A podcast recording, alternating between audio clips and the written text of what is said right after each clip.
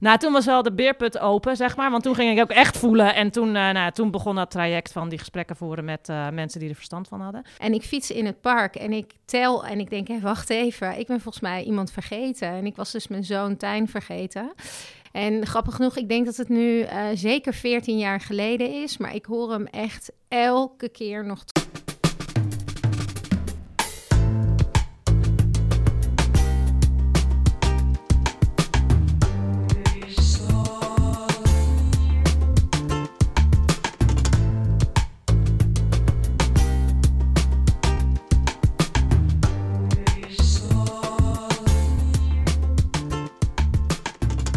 Welkom bij Mom You Can, de podcast van de Club van Relaxte Moeders. Voor iedereen die werk en moederschap combineert of wil combineren.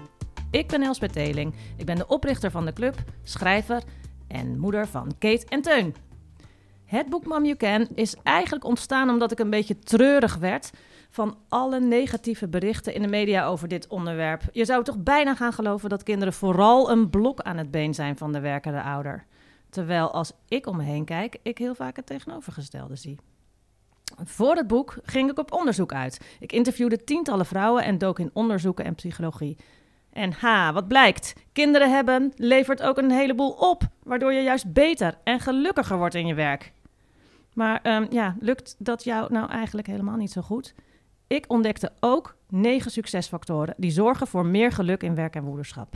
Die succesfactoren gaan we in deze podcastserie bespreken. En we, dat zijn deze keer mijn co-host Sanne Portman en ik. Um, ha, Sanne. Goedemorgen. Goedemorgen. Sanne, die is tekstschrijver en moeder van Benja van bijna drie. En je kunt haar kennen, als je de club kent, van de blogs die ze schrijft voor de Club van Relaxte Moeders. Sanne werkt drie dagen in de week, maar soms iets meer volgens mij. drie dagen. Um, drie dagen. Sanne, je werkt drie dagen in de week.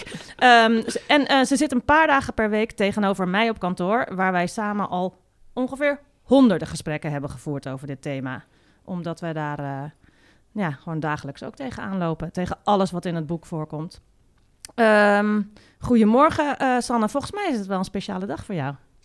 Ja, ja, het is zeker een speciale dag, want uh, mijn man is jarig. Gefeliciteerd. Dankjewel. En uh, uh, heb je dat al gevierd? Nou, het is leuk dat je het vraagt. Wij hadden natuurlijk helemaal bedacht hoe we dat zouden gaan doen. Uh, Benja heeft inmiddels al verklapt wat voor cadeau we gingen, gingen geven. We hebben gisteren tekeningen gemaakt en alles voorbereid dat we papa dan uit bed zouden halen. Zingend en wel slingers en alle toeters en bellen. En ik maakte hem vanochtend wakker en toen zei hij... Nee, ik ga niet naar papa. Oké, okay, het is een speciale dag vandaag.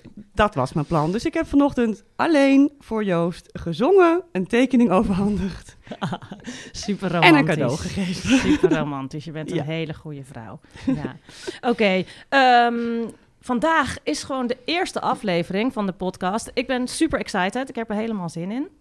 Um, uh, ik doe het niet alleen met uh, een co-host, vandaag dus Sanne, maar voor iedere aflevering ontvang ik een gast die wat mij betreft iets te vertellen heeft over het uh, onderwerp wat we gaan bespreken. En vandaag is de gast Marielle Bekkers. En Marielle is moeder, niet zomaar een moeder, maar die is moeder van maar liefst zeven kinderen. En weet dat te combineren met haar succesvolle pedagogische bureau. Um, ze doet nog heel veel meer. Er komt allemaal aan bod vandaag. En ik denk altijd alleen maar, hoe dan? Hoe dan? ja, vraag ik mezelf ook wel eens af hoor. Marielle, we gaan met jou vandaag uh, succesfactor nummer 1 voor meer geluk en werk, in werk en moederschap bespreken. En um, dat gaat eigenlijk over emotioneel stabiel zijn. Maar vooral over jezelf kennen en lief kunnen zijn voor jezelf. Ja. Um, ik heb eerst even een paar uh, vragen in uh, het categorie facts en figures. wie ben je? Uh, Marielle Bekkers. En wil je mijn leeftijd ook weten? Denk het wel, hè? Ja, joh, doe ja, maar gezellig. Ik ben 44 jaar 44. en ik woon in Amsterdam. Prachtig. Hoeveel kinderen heb je? Ik heb het al verklapt eigenlijk, ja. maar van welke leeftijden? Ik heb zeven kinderen, waarvan de oudste 23 is en de jongste is 9. En eigenlijk alles een beetje daartussenin. Uh, twee, eentje van 18, een van 17, twee van 13 en een van twintig, die was ik bijna vergeten. Dus dat krijg je dan. Hè? Heb je dat wel vaker, dat je een ja, dat heb ik vergeet? wel vaker. En, en ik heb ook wel eens gehad dat ik ze echt eh, fysiek vergat, zeg maar. Ja, Maar, eh, iemand ja. gewoon achterlaten. Ja, ja. Nou, zullen we eh, gewoon eens even kijken, ehm, waar was dat dan? en was dat gevaarlijk? Ehm, nee, het was niet gevaarlijk. Het was op het schoolplein. Ik weet nog goed. Ja, ze moesten naar een tennisclubje in het park. En dat was vlak bij school. En ik had ook nog wat kinderen van andere moeders meegenomen ehm, om samen te fietsen. En ik fiets in het park en ik tel en ik denk, hé, wacht even. Ik ben volgens mij iemand vergeten. En ik was dus mijn zoon Tijn vergeten. En ehm, ik ben snel teruggegaan naar school en daar zat hij nog steeds op het bankje. En grappig genoeg, ik denk dat het nu eh, zeker 14 jaar geleden is, maar ik hoor hem echt elke keer nog terug. Hij komt elke keer terug. Ehm, om dus, jou te pesten om of mij heeft te hij er daadwerkelijk emotionele schade aan nee, heeft geen, nee, geen emotionele schade, maar echt om mij te pesten. Ja. Ja. Weet je nu waar ze zijn? Eh, Alle zeven? Ja, dat weet ik wel. Mijn oudste dochter loopt haar kooschappen op dit moment in de VU in Amsterdam. Dus die is heel hard aan het werk. Ik denk dat mijn 20 jaar, 20-jarige nog in bed ligt. Eh, die van 18, die van 17 liggen zeker nog in bed. Eh, de, vanwege de eh, onderwijsstaking ja, zeggen ze dat ze vrij zijn. Ik weet het niet helemaal zeker, maar goed, ze zijn bijna volwassen en volwassen, dus ze is hun eigen pakje aan. En die twee van 13 die zijn eh, onderweg naar school. En ik heb er eentje meegenomen. eh, want ja, Ja, ik Ronja niet alleen hier. thuis blijven. Ja. Ja, ja. Gezellig. Ja. Oké, nog even terug over werk. Hoeveel uur per week werk jij? Ehm, ja, het wisselt. Ik denk dat ik zeker de 40 plus uur haal qua werk. Ik werk ehm, eh, fysiek ben ik aanwezig zeg maar, op mijn praktijk 4,5 dag per week. Ehm, en soms is het meer en soms is het iets minder. En ehm, als ik bijvoorbeeld eh, nou ja, tussendoor naar school moet voor, voor iets om te helpen... of ik denk van nou, nu moet ik weer eventjes eh, wat gaan doen... dan eh, kijk ik of ik dan in het weekend bijvoorbeeld verslagen kan uitwerken... waardoor ik door de week eh, nou ja, iets meer thuis ben. Eh, dus Misschien kan wel me- even handig om te vertellen Ja. wat je werk precies is. Want Ja. ik heb gezegd, je hebt een pedagogisch bureau. Ja, ik ben orthopedagoog en ik heb samen met een ontwikkelingspsycholoog en nog een orthopedagoog mijn eigen praktijk in Amsterdam. En wij werken dus ja, met ouders en met kinderen en in het onderwijs. En ik werk daarnaast ook heel veel eh, voor een aantal gezinshuizen en met jeugdzorg samen. Ehm, dus heel afwisselend, heel verschillende problematiek. Maar eh, omdat ik wel eigenaar ben, samen met, eh, met mijn collega Sonja, kan ik mijn eigen agenda wel indelen. Dus als ik over drie weken denk, eh, ik heb nu behoefte aan een dag vrij en er staat nog niks in mijn agenda, dan blok ik dat en dan weten mijn collega's dat en dan wordt er gewoon ook niks ingepland. Ja. Dat is heel fijn. Ja, Ja. en er zijn natuurlijk een groot aantal van jouw kinderen heeft geen opvang meer nodig. Die kan voor zichzelf klopt. zorgen. Ja, klopt. Wat doe je met eh, Ronja bijvoorbeeld eh, als zij niet op school zit? En, Ja. eh, wie, wie zorgt er voor haar? Ja, ik heb nu op maandag en dinsdag mijn oudste zoon. Mijn oudste zoon moet wachten. Die, die, op zijn, die gaat ook zijn kooschappen lopen. Ik heb al bijna twee dokters. dat is heel handig. Ja. Maar die moet daarop wachten. Dus die heeft nu een soort van tussenjaar. En hij gaat op vakantie naar Japan. Of twee maanden in september heeft hij heel veel geld voor nodig. Dus hij gaat op maandag en dinsdag haalt hij Ronja op van school. En ik eh, hou bij hoeveel uur hij dat doet. En dan krijgt hij, als hij naar Japan gaat, dat uitgekeerd, zeg Ja. maar. En eigenlijk lost het zich altijd wel zelf op. Ja. Of ze gaat mee met een andere moeder. En dan pak ik de vrijdagmiddag na drie uur. Dus ehm, ja. ja, ik heb het niet heel vast gepland Nee. eigenlijk. Dus nee. ehm, ja, ik kan me ook voorstellen dat het wel steeds makkelijker is geworden Is in de afgelopen twintig jaar. Ja. Ja. ze kunnen, ehm, nou, ze zijn zelfvoorzienend, hè, zeg ik altijd. Ze kunnen zelf een tosti maken en Ja. een ei bakken. Ja. En eh, zijn ook eh, verstandig en, en zelfstandig genoeg om eh, even alleen thuis te zijn als ze naar de middelbare school gaan. Dus dat maakt het wel een stuk makkelijker. Ja.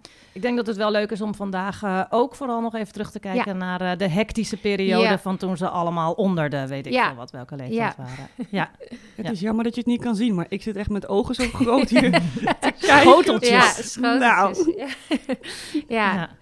ja. het is zo klein, maar ik zeg altijd, ik kan me niks meer van herinneren. Het is gewoon helemaal vervaagd. dat was zo hectisch. Ja, toch moet je vandaag Ja, wat ja, herinneringen ja, ophalen. gaat wel, ja. Hey, ik hoorde over jou, ehm, een vrouw met zeven kinderen. Toen werkte je nog op de universiteit ook. En je loopt marathons. Volgens mij had je Ja. naast die zeven kinderen ook nog een pleegzorgbaby. Ja. Ehm, nou, eh, en je startte je eigen bureau. Toen, Ja. nog, toen was je volgens mij, toen ik je leerde kennen, Ja. was je nog aan het opstarten. Ja. Ik ging jou volgen op Twitter. Nou, langzaam, eh, ik heb nog onze eerste DM's die we met elkaar gevoerd Hebben we nog teruggevonden. Oh, en toen hadden we, gingen we een beetje met elkaar flirten. En toen langzaam wat eten. En toen werden we eigenlijk vriendinnen. Ja. En ehm, ik dacht alleen maar de hele tijd, dit is een supervrouw. Wat zou haar geheim zijn? En ik schep ook altijd een beetje op over jou. Zeg ik, nee, het is Marielle met zeven kinderen. en iedereen reageert dan eigenlijk van, eh, is zij een supervrouw? Dus nou kan ik het nog eventjes officieel Ja. aan het vragen. Klopt het? Ben jij een superwoman? Nee, natuurlijk niet. nee, ik wil wel af en toe, voel ik mij wel een supervrouw. Eh bijvoorbeeld vanochtend toen ik even ging hardlopen en eigenlijk helemaal geen zin had. En dan loop ik in het park met eh, eh, de nieuwe, een heel, heel erg lekker liedje op mijn, aan, in mijn oren. En dan voel ik me heel blij. En dan denk ik, ik heb het toch wel allemaal even weer onder controle. Maar ik heb ook echt heel vaak dat ik zoiets denk van... oh, hoe ga ik dit nou weer doen? En Ja. dat is eh, met name ook wel te zoeken in huishoudelijke taken. Of eh, dat je denkt van, ik raak het overzicht kwijt. Ik moet nog zoveel doen. Dat je daardoor heel erg overspoeld kan raken. Dus ik ben zeker geen supervrouw. Maar ik kom wel dicht in de buurt. Ja. Nee. Nee, maar ehm, je komt zeker dicht in de buurt. Maar je blijft altijd mijn supervrouw. Ehm, toen ik eh, voor mijn boek Mom You Can ehm, heb ik jou geïnterviewd en nog tientallen andere vrouwen. En ik kwam dus langzaam achter een soort rode draad. En Mhm. ik heb dus langzaam jouw geheim ontrafeld. Dan weet je dat. Ben benieuwd. Want eh, de vrouwen die ik sprak, die waren over het algemeen vrouwen die het goed combineerden. Of in ieder geval goed waren gaan leren combineren. Ja. En ehm, ik zag dus een rode draad in kenmerken. Ehm, zoals ehm, het waren vrouwen die, het zijn vrouwen die heel positief zijn ingesteld. Het zijn vrouwen die keuzes durven maken. Die niet verteerd worden door allerlei schuldgevoelens. Nou, zo zijn er nog, want ik heb er negen in totaal. En één belangrijk kenmerk is ook dat ik zag dat ze allemaal best wel emotioneel stabiel waren. Mhm. En volgens mij heb ik dat al eens een keer eerder aan jou gevraagd ook. Maar Ja. Ehm, ik bedoel, nu kan ik me voorstellen dat het wat makkelijker is. Hè, wat we al zeiden met die kinderen die wat groter zijn. Maar als ze allemaal onder de tien zijn of zo, weet je wel. Dan is er gewoon veel stress en dat huishouden. Maar ben jij dan echt nooit omgevallen? Nee. Nee. Ja. Nee, ik ben nooit omgevallen. Ik heb wel momenten gehad dat ik het heel druk vond. Uh, maar wat jij net al aangaf, die keuzes maken. Ik denk dat dat dan heel belangrijk is om te voorkomen dat je omvalt. Want ik kon ook, um, als ik een dag vrij was en het was heel mooi weer, uh, denken: ik uh, pak de kinderen, we gaan in de tram naar Sloterdijk en we gaan naar Zandvoort een dagje. En dan vervolgens wel mijn huis achterlaten in, in een bende. Mhm. Maar dan dacht ik: ja, we gaan nu dit gewoon doen. En, en ze komen toch weer terug met allemaal zand. Dus dan wordt het alleen maar nog meer troep. En dan kwam ik thuis en dan waren ze hartstikke moe. En dan ging ik snel even door het huis. Ja. Dus uh, ik denk dat, dat uh, je kan niet alles altijd doen. Je moet Ja. gewoon daarin, denk ik, uh, denk En ik dat, keuzes dat maken. kon jij al, zeg maar. Ja, en dat, ik heb dat denk ik al heel erg jong geleerd. Om ke- keuzes te maken en vooral heel erg voor mezelf te kiezen. Ja. Dat is uh, ja, op jonge leeftijd al. Ja. Hoe, hoe heb je dat geleerd dan? Oh, uh, ja, even. Um, nou ja, ik, ben, uh, ik kom uit een vrij ingewikkelde gezinsachtergrond. Uh, waarbij ik op mijn zestiende voor mezelf de keuze heb gemaakt om niet meer in, die, in dat gezin te zijn. Um, toen ben ik gewoon op mezelf gaan wonen. Wat best wel ingewikkeld was als je 16 bent. Want je krijgt geen studiefinanciering. Ik krijg wel een plukje kinderbijslag. Ik werkte toen bij de McDonald's. Daar moeten mensen ook nog heel erg om lachen. Maar ik vond het heel erg leuk. En uh, in een squashcentrum na school. En ik, ik heb toen echt voor mezelf gekozen. En als ik er nu op terugdenk, uh, kijk, dan denk ik wel eens... Jeetje, ik was toen eigenlijk echt bijzonder zelfstandig en ook verstandig. Want ik ging wel gewoon naar school. Hoewel ik gewoon uh, ja, op zich ook had kunnen denken, bekijk het maar met school.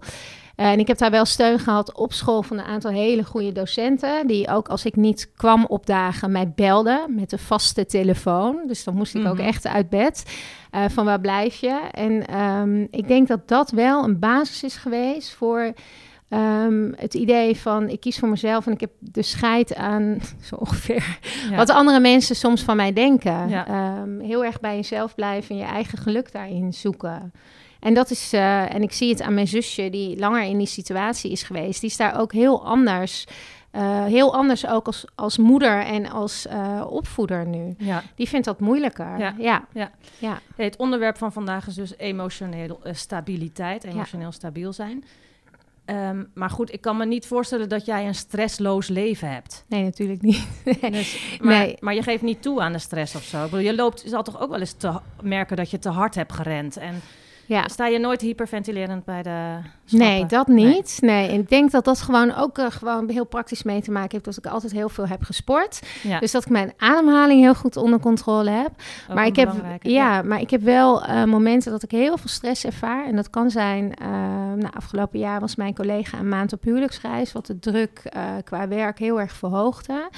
Maar ik kan dan altijd denken, ik heb me vaker zo gevoeld en het komt altijd goed. Dus ik kan me nu lopen stressen, maar het is nog nooit zo geweest dat ik dit niet af heb gehad of dat, eh, dat ik daar te laat ben gekomen. En dan kan ik ook nog verder denken van, en als dat wel zo is, wat dan? Ja. Hè, iedereen kan daarin fouten maken. Dus ik kan mezelf daar een beetje in kalmeren. En als ik dat voel, ga ik ook weer heel erg terug naar heel erg op tijd naar bed gaan. Goed slapen. ehm, eh, een extra yoga lesje pakken. Dat, ja, dus dat Ja. werkt. eh. en ik, sla, ik moet zeggen, dat vind ik wel... Ik slaap echt... Ik lig elke avond echt tussen half tien en tien in bed, hè. En ik slaap me vanmorgen Ja, nog af, want ik zag dus op Instagram dat jij al om zeven uur 's ochtends Ja. aan het hardlopen was of zo. Ja. Terwijl, dat zag ik terwijl ik in bed lag. Mijn telefoon te checken. En toen dacht ik, hoe laat zal zij naar bed gaan? Ja, vroeg. Ik ga vroeg naar bed, maar dat doe ik ook echt omdat ik dan echt heel erg moe ben. En ik kan me dan ook helemaal op verheugen om lekker te gaan slapen. En dan soms dan lees ik nog een paar bladzijden boek of ik kijk, eh, ik heb nu Sex Education op Netflix afgekeken. Ja. En dan kijk ik één aflevering en dan merk ik dat ik moe word. En dan eh, val ik in slaap en dan word ik de volgende ochtend om zes uur wakker. En dan ben ik dus uitgerust. Ja, En dan sta ik op ook. ja. Ik, Ja. Zie, ik zie Sanne nog steeds met grote ogen Sanne kijken. denkt hoe dan? Sanne was van tevoren al een beetje bang dat ze Oh. starstruck zou zijn. Ja, dat Nee, ben je ja, dat? dat is- Nog meer. ja, Echt bizar. Want jij zegt ook, ja, als het dan zo druk is, dan ga ik wat eerder naar bed of dan eh, pas ik het wat aan. Maar ik denk dan, hoe dan? Want ik denk in mijn rustige agenda met jou vergeleken, denk ik al, ja, iets schrappen, dat kan niet. En wat moet ik dan doen? En eerder naar bed, maar ik ben al zo druk, ik moet juist langer doorwerken. Ja, ik, dat is ook weer heel erg ehm, het naar mezelf luisteren daarin. Ik schrap ook best wel veel eh, sociale dingen, zeg maar. Ehm, eh, mijn vriend Martijn die heeft een baan eh, waarbij best wel vaak dingetjes zijn waar ik dan ook mag opdraven. Als Ik wil eventjes van. opmerken Ja, dat ja. Martijn vader is van alle zeven Ja, kinderen. klopt, Dat ja. vragen mensen je ook nog wel eens, hè? Precies, Ja. ja. En, maar ik doe dat heel vaak niet. Ik, ki- ik kijk ook echt van, eh, nou, ik heb volgende week heb ik dan bijvoorbeeld een feestje en dan denk ik, wie is dat? Oké, dat is een neef van Martijn, die vind ik hartstikke lief, die wordt 50, dus daar ga ik naartoe. Maar ik heb ook heel vaak dat ik denk, als ik niet kom, wie gaat mij missen? Wie gaat het erg vinden dat ik er niet ben? Nou, ik denk eigenlijk bijna helemaal niemand. Dan blijf ik lekker thuis. Dus ik ben wel heel. Dus ik ben ook heel goed geworden in, in dat soort dingetjes. Eh, en mensen weten dat ook van mij. En ze weten ook dat het niet betekent dat ik ze niet lief vind of dat ik asociaal ben. Maar ik ben daar gewoon, denk ik, ook heel, heel eerlijk in. En ehm, maak ik ook keuzes weer in. Ja. Ja, En ja, blijkbaar ben je dus heel goed in naar jezelf luisteren. Ja. En dan gas terugnemen. ja. Ja, Ja, dat toch. En dat is ook wel gekomen omdat ik ehm, daar wel eens tegen aangelopen ben natuurlijk. Hè? Wat jij net zei van die stress, die heb ik ook wel gehad. Dat ik merkte dat ik slechter ging slapen of dat ik met name mijn dromen. Ik droom elke nacht altijd.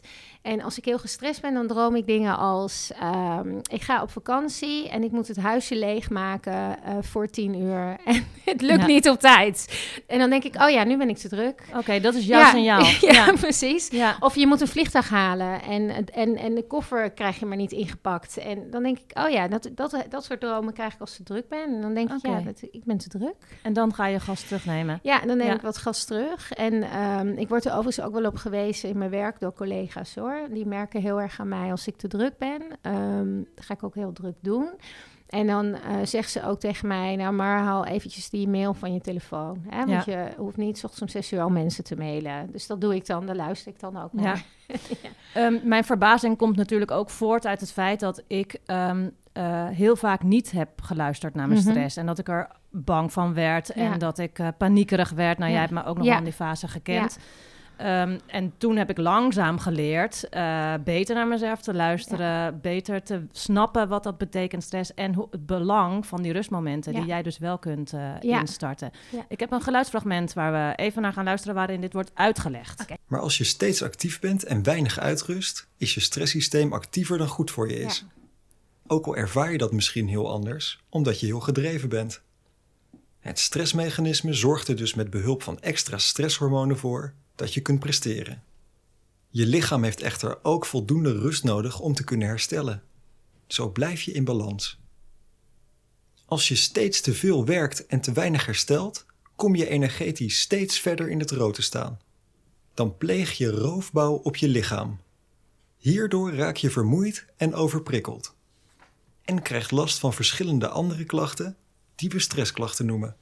Um, ja, dat leerde ik uh, eigenlijk ook. Um, dat je jezelf eigenlijk dus regelmatig moet opladen. En dat je jezelf moet vergelijken met je telefoon. Als je telefoon uh, uh, leeg dreigt te raken, moet je hem aan de oplader hangen. Ja. En uh, het blijkt dat heel veel mensen met hun energie omgaan als, als een bankrekening of een hypotheek. Of nee, hypotheek kan je niet in het rood staan, hè? Maar een bankrekening. En dat je dus denkt dat je in het rood kan staan en dat je hem ook nog aan kan spreken dan. Nou, dat deed ik ook. En ik ja. kijk weer even met een schuin oog naar Sanne. nou ja, hier hebben wij dus heel veel gesprekken over. Ja. En, en ja, dit, dit, dit, begin ik nu steeds beter te snappen, inderdaad. Ja. Dat je gewoon die rust moet pakken en dat je dan wel weer doorgaat. Maar dat je als je in het rood staat, dat het dan te ver gaat. Ja, en het is, je kan ook die vergelijking doortrekken met bijvoorbeeld sporten. Sporten is, uh, sport of bewegen is gezond voor ons. Maar op het moment dat je elke dag gaat sporten, dan ga je ook, uh, dan, dan raak je accu raakt ook leeg. Dus die hersteltijd die je nodig hebt om te herstellen van een fysieke inspanning, is ook echt nodig. Ja. Uh, want anders krijg je ook weer te veel stress, hormonen. dus een beetje hetzelfde mechanisme. Dus je moet gewoon af en toe gewoon resetten eigenlijk ja. en opladen. Ja. Ja. En dat helpt om Ja. dan emotioneel stabiel te zijn, Ja. waar we het over hebben. Klopt. Ja. Oké, het- het boek is dus ehm, negen succesfactoren voor meer geluk in werk en moederschap. Be- hoe, hoe vind jij eigenlijk jouw gelukscijfer? Hey. Hoe gelukkig ben jij in werk en moederschap? Ehm, ja, het is wel grappig dat je het zegt, want ik zat vorige week zelf aan te denken. Van, want ik vraag het vaak aan mijn cliënten: hè, zou je een voor cijfer geven voor je leven? En toen dacht ik, wat zou ik voor mij voor cijfer geven? En ik denk dat ik nu wel op een 8 zit, Ja. denk ik. Ja, ik zat vorig jaar wel iets Best wel lager. goede ja, precies. Ja. maar ik denk wel dat ik op een 8 zit. Maar dat kan morgen ook weer heel anders zijn hoor. Ja. Dus dat- Sanne, mag ik hem ook aan jou vragen? Ja, ja zeker. Ik, ik ga heel goed. Ik, Ja. Ja. nou, de 6,5, 7 durf ik het toch wel te geven nu. Gezien alle Zo. gesprekken die wij regelmatig Ja. voeren, vind ik echt supergoed een Ja. 6,5, 7. Ja.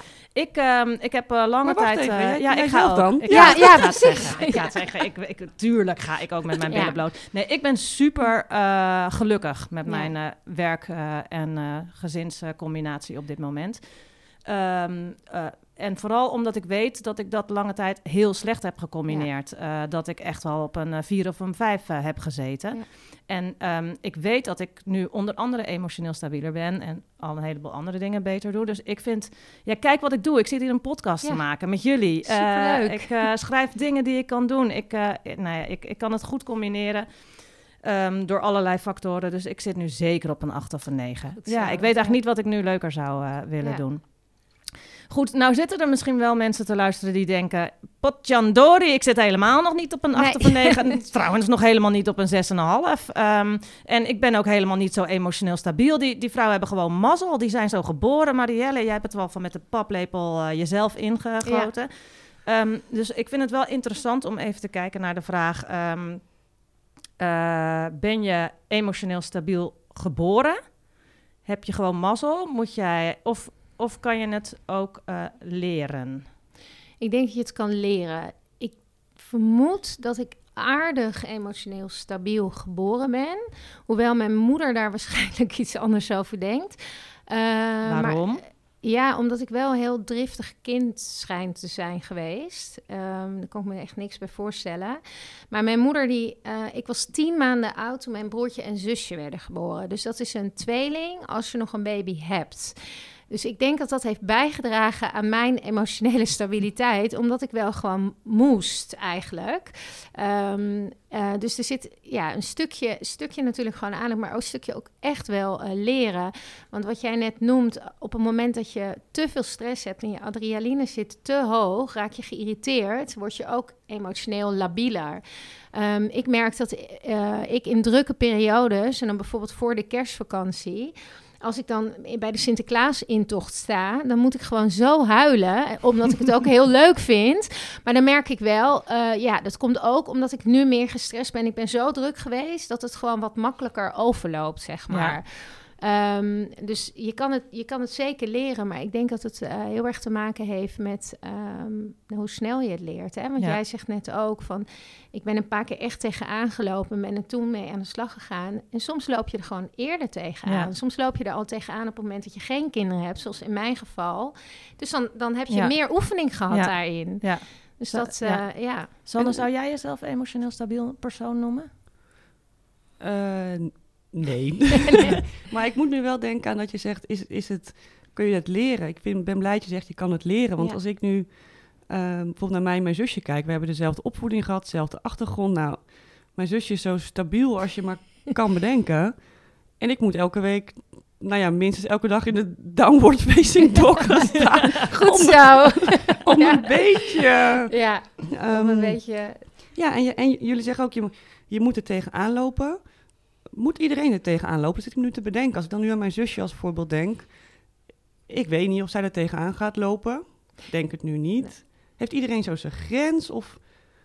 Ja, ik denk dat iedereen daar wel zijn grens in heeft. Ehm, sommige mensen lopen er nooit tegenaan, omdat zijn, ze zo emotioneel stabiel zijn. Ja, die zijn, gewoon met een heel sterk genenpakketje geboren. Ja, ja. en het, ik denk dat het ook wel afhankelijk is van het werk dat je doet. Um, uh, want ik kan me zo voorstellen als je een hele stressvolle baan hebt, waarbij heel veel van je verwacht wordt, dan kan je hartstikke emotioneel stabiel zijn, maar dan zou je misschien toch op een gegeven moment tegen een grens aanlopen.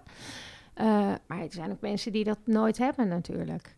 Die gewoon altijd emotioneel stabiel door het leven gaan. Ja, ja. Lijkt me ja, ik heb een paar vrienden die weet ik gewoon, die zijn gewoon ja, wat saaier Ja, en ik wou zeggen, lijkt me best geen namen. saai.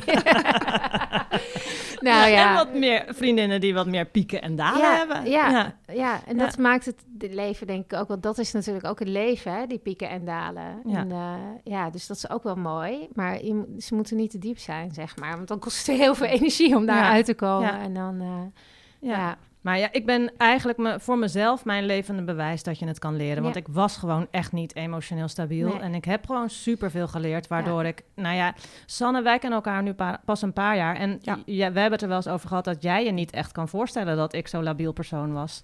Want ik ben gewoon, sinds wij elkaar kennen, ben ik gewoon al uh, steviger. Jij bent voor mij echt... Uh, ja, echt een voorbeeld van hoe je... Het, ja, nee, nee, dat meen ik echt. Dat heb ik al vaker gezegd. Hoe je dus het allemaal kan combineren en het leuk kan hebben... en nou ja, niet zo gestrest hoeft te zijn als ik de eerste jaren met Benja was. Ja. En nog een klein beetje ben, maar het gaat de goede kant op. Ja. Maar dat leer ik eh, voor een heel groot deel van hoe jij in het leven staat. Ja, dus nou, dank je, dank je. Maar het is, ja, ik heb gewoon een harde leerweg ook gehad. Um, um, uh, in de psychologie, en uh, weet jij waarschijnlijk ook wel het een en ander van, Marielle.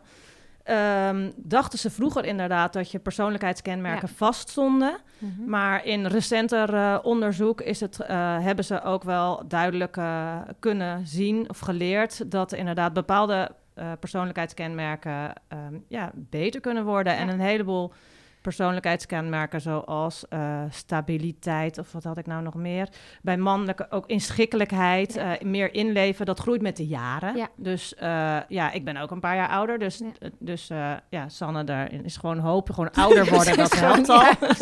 ouder worden helpt. Maar ander onderzoek toont ook duidelijk aan dat je wel zelf invloed kunt hebben en dat het al kan helpen met een andere omgeving bijvoorbeeld, dat die al kan helpen. Ander werk kan je helpen stabieler als je in een andere werkomgeving zit. Waarmee het gelijk een beetje een kip-ei verhaal lijkt te worden. Want, nou ja, en de eisen misschien uh, bijstellen. Want ik hoor jou net al zeggen van, hè, dat, dat, dat je soms bij anderen ziet dat het dan allemaal wel leuk is. Of dat je het wel leuk kan hebben. Um, ik denk ook dat um, toen ik mijn oudste kreeg, toen was ik 21. En toen bestond, nou, internet was net een beetje ja, in opkomst. Maar er was nog heel weinig informatie te vinden over moederschap. En voor mij heeft dat heel goed uitgepakt, omdat ik heel erg op mijn intuïtie ging. En mij nooit heb afgevraagd of ik het goed deed of niet. Ik keek gewoon naar mijn kind. En ik uh, vind maar je durft ook op je intuïtie af te gaan, blijkbaar. Ja, en, ook belangrijk. Um, ja, En maar, maar dat kreeg ik ook wel mee van mensen in mijn omgeving. Of van kon consultatiebureau. Die zei van, nou, ze groeit goed. En dacht ik, nou, dat ging dan goed. En je had niet de neiging om 100 opvoedboeken en bladen en zo erbij Nee, te pakken? Nee, heb ik wel. Ik heb wel wat gelezen natuurlijk, maar dat heb ik eigenlijk niet gedaan. En ik vind ehm, dat je, omdat er tegenwoordig zoveel informatie is, maar ook dat Instagram met al die moeders en die baby's die er altijd keurig uitzien en die nooit kots op een shirt hebben. En daar kan je heel onzeker van worden. Mijn, mijn jongste zit op een school eh, waar een aantal bekende Nederlanders hun kinderen hebben. En bijvoorbeeld ook ehm, bloggers of vloggers, influencers. En als ik dan 's ochtends naar school kom en ik kijk, dan denk ik, hoe dan, hoe dan? Dan heb ik dat ook hoor. Ja, maar Dus- jij hebt al vijf kilometer hard gelopen dan. Nee, dat klopt. Maar dat, dat, dan krijg je wel een beetje een vertekend beeld Ja. van. En als je daar gevoelig voor bent, hè, als je dat niet los kan laten, dan kan dat wel echt heel lastig zijn, Ja. denk ik. Dan heb je het gevoel van, ja, ik, krijg het dus weer niet voor elkaar. Ja, Weet je, kijk ze nou eens leuk in artis lopen, met kinderen helemaal perfect gekleed. En dan sta ik weer, ik, het lukt me niet eens om de tram in te komen met mijn twee kleintjes. Het grappige is ook dat ik eh, toen eh, Kate geboren werd, eh, ik inderdaad nog niet op Twitter en Facebook en zo zat. En dan om vijf of zes uur 's ochtends met haar beneden was. En ik mezelf heel zielig voelde Ja. en daar echt, echt ellendig van was. Ja. En ik vond het leven zwaar met zo'n Ja. kleintje. Ehm, en dat vind ik weer het voordeel van social Absoluut, media. Is ja. dat als ik nu, nou ja, gelukkig eh, slaapt Teun nu wel goed. Maar toen Teun kleiner was Ja. eh, en ook ik weer zo vroeg eh, s ochtends beneden zat met mijn kopje koffie. Dat ik wel lekker kon klagen Zeker. op social media. En dat ik toen bleek dat ik niet de enige was. En dat hielp wel voor mijn gevoel, Klopt. voor mijn welbevinden. Nee, maar dat klopt Ja, zeker. Dus Er dat is de andere kant van de social media. En er zitten heel veel Je moet de goede hè? kant Je moet de goede kant kiezen. Want je kunt ook heel veel nuttige informatie vinden over opvoeden en over nou ja, van alles en nog wat. Maar als je gevoelig bent en Ja. je kan niet die goede kant kiezen, ja, dan is het best lastig Ja. ook. Ja, en dit is natuurlijk precies waarom ik de Club van Relaxe Ja, Moeders ben gestart. Om daar tegenwicht aan Ja. te geven. En om Precies. juist met elkaar inderdaad eh, ook Ja. te kunnen lachen en, En klagen. klagen. Ja, Precies, ja. ja, ja. inderdaad. ja. En eh, hoe, jij zegt nu net van ik, ik luister heel erg naar mijn intuïtie en je maakt veel keuzes, bewuste keuzes. Hoe, hoe zorg jij dat je de intuïtie hoort of voelt? Ja, dat is wel een goede vraag. Want ik denk dat het best wel lastig is soms hè, om, om dat te voelen. Ja, ik, ik voel hem gewoon. Ik weet niet, ja. Ik weet niet, ik heb, dat, ehm, ik heb het ook wel met andere mensen. Ik zat gisteren bijvoorbeeld met, een, eh, met iemand die tegenover mij zat, waarbij ik meteen al zoiets had van, er, er klopt gewoon iets niet. Daar ga ik niet meteen blind op varen natuurlijk, zeker niet in mijn werk. Uh, maar ik luister daar wel heel erg naar. Dus als mijn gevoel zegt het klopt niet, dan ga ik dat wel onderzoeken. Uh, ik bijvoorbeeld ook, maar dat zullen denk ik meer moeders hebben, dat als mijn kinderen ziek zijn of worden, dan ruik ik dat.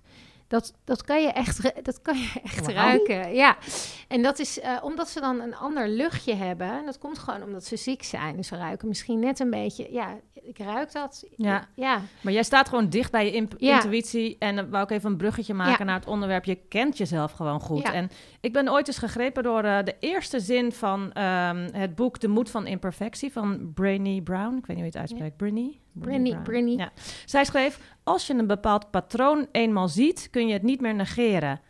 En dat is volgens mij zo super belangrijk om ja. je eigen patronen goed te, ja. goed te kennen, eigenlijk. Uh, en daarom heet dat hoofdstuk van het boek over emotionele stabiliteit ook Ken jezelf. Ja. En daarnaast ook nog wees lief voor jezelf. En dat ja, kan jij ook. Dat kan ik heel goed. ja. ja. ja. ja. Um, signalen herkennen, er naar handelen, niet boos worden op jezelf. Ja. Maar luisteren naar jezelf. Ja. Ik, je zei, ik ben niet boos van, oh, ik ben te druk en ik ben zo moe. Ik, nee. Maar jij gaat gewoon naar bed. Ja. ja. ja, ja. En het lief zijn voor jezelf, dat blijkt ook echt heel belangrijk te zijn voor uh, je prettig voelen. Ja, dat is dat opladen waar jij net over had, die lader. Je moet iets doen voor jezelf om het op te laden. Ja, en ik, ik, las heel veel voor het boek, heel veel over het uh, onderwerp zelfcompassie. Ja. Um, uh, de, de koningin van de zelfcompassie is Kirsten Neff, als ik het goed zeg. Ja, Kirsten Neff. En daar, ik heb een geluidsfragment ja. van haar ook. But if you stop to check in with how we treat ourselves, especially on a bad day when things aren't going so well, we are often harsher and more cruel to ourselves in the language we use. We say things to ourselves we would never say to someone we cared about. We say things to ourselves that we probably even wouldn't say to someone we didn't like very much. Okay, we are often our own worst enemy. So, with self compassion, we re- reverse that pattern and start treating ourselves like we treat our good friends. Ehm, volgens mij zijn heel veel vrouwen heel erg goed in heel streng zijn voor zichzelf. Ja, denk het ook. Ja, kijk allemaal. Ik zeg even niks. Sanne, bij ons op kantoor, Ja. is heel lief voor mij. Als ik een beetje gestrest binnenkom, dan zegt ze... moet jij niet lekker naar huis? Of wat doe je hier? Terwijl ze zichzelf loopt op te vreten, inderdaad. Dus eh, volgens mij is het... Ja, je zelf, eh, ehm, hoe heet het, ehm, emotioneel stabiel zijn... ehm, kan je dus leren, inderdaad. En het is je patronen kennen. Hè? Als we even kijken, wat moeten we nou allemaal doen? Om, is patronen kennen. Ja, ik ben gewoon in therapie geweest en heb coaches Ja. gehad... om mezelf beter te leren kennen. Dus dat kan ik iedereen gewoon aanraden. Ja. Leer jezelf kennen. Als Ja. je nu nog soms denkt, ik heb zo'n stress, maar waar komt het van? Ik had zo'n stress en ik zat, wat ik al zei, weet je wel, ik kreeg paniekaanvallen en ik voelde me rottig. Als ik nu terugkijk naar mijn to-do-lijstjes van toen, denk Ja. ik, ja, vind je het gek? Weet het gek. vind het heel gek. Ik wilde alles. Ik wilde alle ballen Ja, hoog houden. En ik dacht, ik dacht dus ook dat ik superwoman was. Ik dacht Ja. dat ik het kan allemaal. En als Nee. ik nu terugkijk, we, we zijn, nou ja, weet je, misschien had ik vijf jaar geleden nog wel steeds wel zoveel stress. Als ik nu terugkijk naar vijf jaar geleden, dan denk ik, nou, het is niet heel gek. Nee, is niet heel raar. gek. Ja. Nou, en ik vind dat wat jij zegt, hè, zoek daarin hulp, echt een hele, hele goede tip ook. Ehm, ik, heb ze- ik heb dat zelf gedaan toen ik net moeder was geworden. En dat was natuurlijk, toen was ik heel jong, toen was ik eh, net 21. En ik weet nog dat ik op een gegeven moment in de tram zat in Amsterdam. En toen zag ik ehm, een zwerver zitten. En ik weet niet wat het was, maar ik keek naar hem en ik moest zo huilen. En dat ging gewoon niet weg. En toen kwam ik thuis en dacht ik, oké, ik ga eens even op zoek naar een goede psycholoog. En toen heb ik uit de gele gids, of eh, ja, de gouden gids nog, zomaar willekeurig Google iemand... van vroeger. Precies, eh, zomaar willekeurig iemand gekozen in Amsterdam. En ik denk dat ik acht keer bij hem geweest ben of zo. Dan kwam mijn beste vriendinnetje op mijn baby passen. En dat heeft, dat heeft me zo geholpen. Ehm, wat hij gewoon eigenlijk deed, is samenvatten wat ik, wat ik zelf al wist. En gewoon eh, een terugkoppeling maken. Ja. En, en dat maakte zoveel Ja, dus je hebt er ook hulp bij gehad. Ja, ik heb er dat is ook- toch ook fijn om te horen, Klopt. hè, Sanne? Ja, zijn niet nou alleen. allemaal alleen gedaan. En tijdens Ja. mijn studie ehm, en ook nu nog steeds, ik had vorig jaar heb ik dan een, eh, een nascholing gedaan. En dat was een vrij intensief traject. En in de sociale psychologie en de psychologie eh, heb je alleen maar eh, supervisie, intervisie en leertherapie. Dus je blijft eigenlijk continu ook wel eh, met jezelf aan de slag. Tot in den treuren, tot je helemaal gek van wordt. Maar dat Ja. helpt gewoon af Ja. en toe. Ja. Ja, en het hoeft niet per se een psycholoog, een psychiater te zijn. Het kan ook een coach zijn of gewoon een goede vriendin. Of, maar dat je daar wel de tijd voor neemt. Dat kan, eh, Ja. ja. Ja. Ja. Oké, dus ik ga nog even samenvatten. Eh, jezelf leren kennen. Ehm, eh, lief voor jezelf zijn. En eh, ja, eh, behandel jezelf als je beste vriendin eigenlijk. Ehm, die Kirsten Neff die heeft het over drie dingen bij, bij zelfcompassie. Dus één is vriendelijk zijn voor jezelf. En de andere twee zijn opmerken hoe je je voelt. Dus Ja. gewoon heb het door. Heb in de gaten. Ben niet alleen maar aan het rennen. Ja. Maar sta ook af en toe stil om, ja, heb door hoe je je voelt. Ja. En dat heb ik lange tijd ook. Ik ben gewoon gaan rennen, gaan rennen, gaan rennen, gaan rennen. Ze negeren. Ja, het, eh, eh, ik rende, eh, vooral toen Kate heel klein was. Ik rende omdat ik heel goed voor Kate wilde zorgen. Ja. Henno die kreeg Pfeiffer op dat moment. Ja. Dus ik ging ook heel hard voor hem rennen. Ja. En ik rende mezelf keihard voorbij. Had ik Ja. niet door. En op een gegeven moment waren we op vakantie naar Bali. Dat leek ons een goed Ja. idee. Toen Kate nog net geen Oké, nee. Leuk, zo'n lange vlucht met zo'n Leuke vlucht. Eh, ja, want Kate kon toen, weet je, zo'n babytje kan nog gratis vliegen. Dus ja, Ah ja, waarom precies, niet? Waarom doen. Ja. Ja. Ehm, eh, en ik had zo'n last van een jetlag. En ik Ja. voelde me zo beroerd. Tot Henno op een gegeven moment zei... eh, volgens mij eh, heb jij geen jetlag. Volgens mij ben jij al maanden beroerd en moe. En toen moest ik verplicht van hem op het strand onder een palmboom gaan zitten. En toen ging ik opmerken. Ja. Toen ging ik voelen. Ja. En toen dacht ik... Huh? Ik geloof dat ik stress voel. Ja. Nou, toen was wel de beerput open, zeg Ja. maar. Want toen ging ik ook echt voelen. En toen, eh, nou, toen begon dat traject van die gesprekken voeren met eh, mensen die er verstand van hadden. Maar goed, opmerken. Dus eh, ik ga gewoon nog even in de herhaling. Wat zei ik? Lief zijn voor jezelf. Opmerkzaam. Zij zegt eigenlijk ook dus mindful zijn. En daarom is een mindful cursus ook helemaal niet zo'n slecht ja. idee. Als je nog Of zelf yoga. slecht bent. Of, Ja. of in die downward dog. Dog. ja. Flow, ja. Waar voelt het? En eh heel belangrijk eh, punt wat zij ook vindt is... zie dat je niet de enige bent. Wees uh, menselijk. Uh, wees niet te hard voor jezelf. Want you're not alone out there. Dat is natuurlijk ook waarom we deze ja. podcast maken. We spreken het ook ja. uit, denk ik. Want als ik echt een hele erge rotdag heb en ik kom op kantoor, dan uh, zeg ik gewoon: Jeetje, ik voel me vandaag echt gewoon niet helemaal fit of niet helemaal blij. Dus dan weten zij ook: Oké, okay, dan, dan hoef ik ook niet te, ga ik ook niet te veel vragen. Op het moment dat je inderdaad altijd maar zegt: Ja, gaat goed. En ja. dan weten andere mensen mensen voelen dat niet altijd aan. Hè? Nee. Dus je moet het ook echt uh, durven uitspreken. Ja, ja. dus uh, dat is denk ik ook wel even een oproep naar iedereen zit te luisteren en die denkt van, oh, misschien kan ik dat wel wat vaker doen. Ja. Kijk gewoon of er iemand in je omgeving is die je vertrouwt, weet je wel? En wees gewoon eerlijk. Je hoeft niet altijd de schone schijn op te houden, ook al lijkt het op Instagram allemaal zo mooi. En dat is waarom ik ook super dankbaar voor ben voor ons kantoor, hè, Sanne? Wij delen kantoor met z'n tweeën en nog met uh, twee andere dames. En we kan wel verklappen dat er best wel vaak gehuild wordt. maar het helpt zo, weet je wel. Ik kan natuurlijk, we zien al hoe we binnenkomen, weet je wel. We, we kennen elkaar inmiddels. Ik denk dat we inmiddels al twee of drie jaar samen werken. En het is zo fijn om gewoon eerlijk te kunnen zijn en uh, gewoon even te kunnen mopperen over je man, over je kinderen. Uh, en die horen dat niet. Nee. We gaan dit niet allemaal in deze podcast doen, want dan horen ze het wel. nee. um, dus uh, ja, ken jezelf, wees lief voor jezelf, onderken het en deel. Realiseer dat niemand perfect is, zelfs Precies. Marielle Bekkers nee, niet. zelfs Marielle Bekkers niet. Nee. Mag, mag ik nog een kleine toevoeging daaraan doen? Ja. Ik denk dat het ook goed is als je zo druk bent en zo gestrest. Want dat zijn de momenten vaak waarop je denkt van... oh, ik overzie het niet. En dan lopen wij nou ja, te huilen op kantoor. Is mijn eerste reactie, en ik denk bij veel vrouwen, is dan... ik heb helemaal geen tijd om te gaan zitten huilen nu een half uur. Want ik ben zo druk. Ja. ja. Um, dus ik zou ook iedereen willen vragen om het gewoon eens te proberen. En dan te ervaren dat dat half uur echt zoveel tijdwinst daarna oplevert. Want dan kan je weer. Ja, dan is je hoofd leeg. Ja. Dan kan je helder nadenken. ja. Alles. Uh, Wat een mooi einde en een bruggetje naar de challenge voor vandaag. Um, want, nou ja, de challenge voor de komende weken. Um, we eindigen. Dit was de eerste aflevering. Ik ben nog steeds excited. Dank jullie wel daarvoor. Um, de podcast. We eindigen iedere aflevering. Het zijn negen afleveringen in totaal. Dit was nummer één. Er komen er nog acht. we eindigen iedere, iedere aflevering met een challenge. Er staan ook challenges in het boek trouwens. Had ik al verteld dat ik een boek heb? Mom, you can. Niet voor niks met een bemoedigende titel. Oké, ik wijd te veel uit. De challenge van deze week sluit heel erg aan bij het laatste punt wat we hebben besproken. En dat is deel deze week of volgende. Je krijgt twee weken de tijd. Deel in ieder geval een lekkere blunder of een gevoel wat je niet kan onderkennen. Of deel iets met iemand. Zoek iemand uit en deel gewoon de blunder of iets waar je voor schaamt of iets waar je ongemakkelijk voor bent. En merk op hoe, uh, hoeveel dat oplucht. En bovendien krijg je vaak mooiere en diepere gesprekken, omdat diegene dan ook iets gaat zeggen. Want die, Gaat, uh, ja, die gaat dan ook iets zeggen wat vervelend was. Ja. ja. Dus dat is de challenge voor vandaag. Te um, doen. Ik wil jullie uh, super bedanken voor deze eerste aflevering. Dankjewel Marielle. Dankjewel Sanne.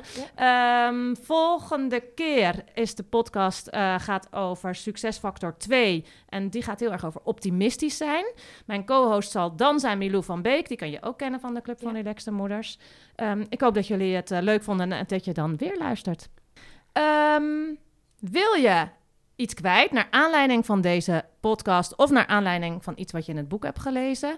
Um, laat het me weten. Je kan me mailen via elsbeth.clubvanrelaxtemoeders.nl.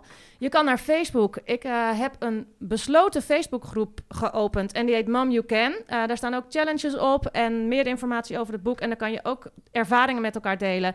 Um, want het is belangrijk, hè? Dat, uh, dat hebben we net maar zo eens eventjes gezien. Um, daar zal ik ook het YouTube-filmpje over zelfcompassie zetten. Nou, volgens mij heb ik nu al het belangrijkste gezegd. Um, tot aflevering 2 over optimisme. Doei!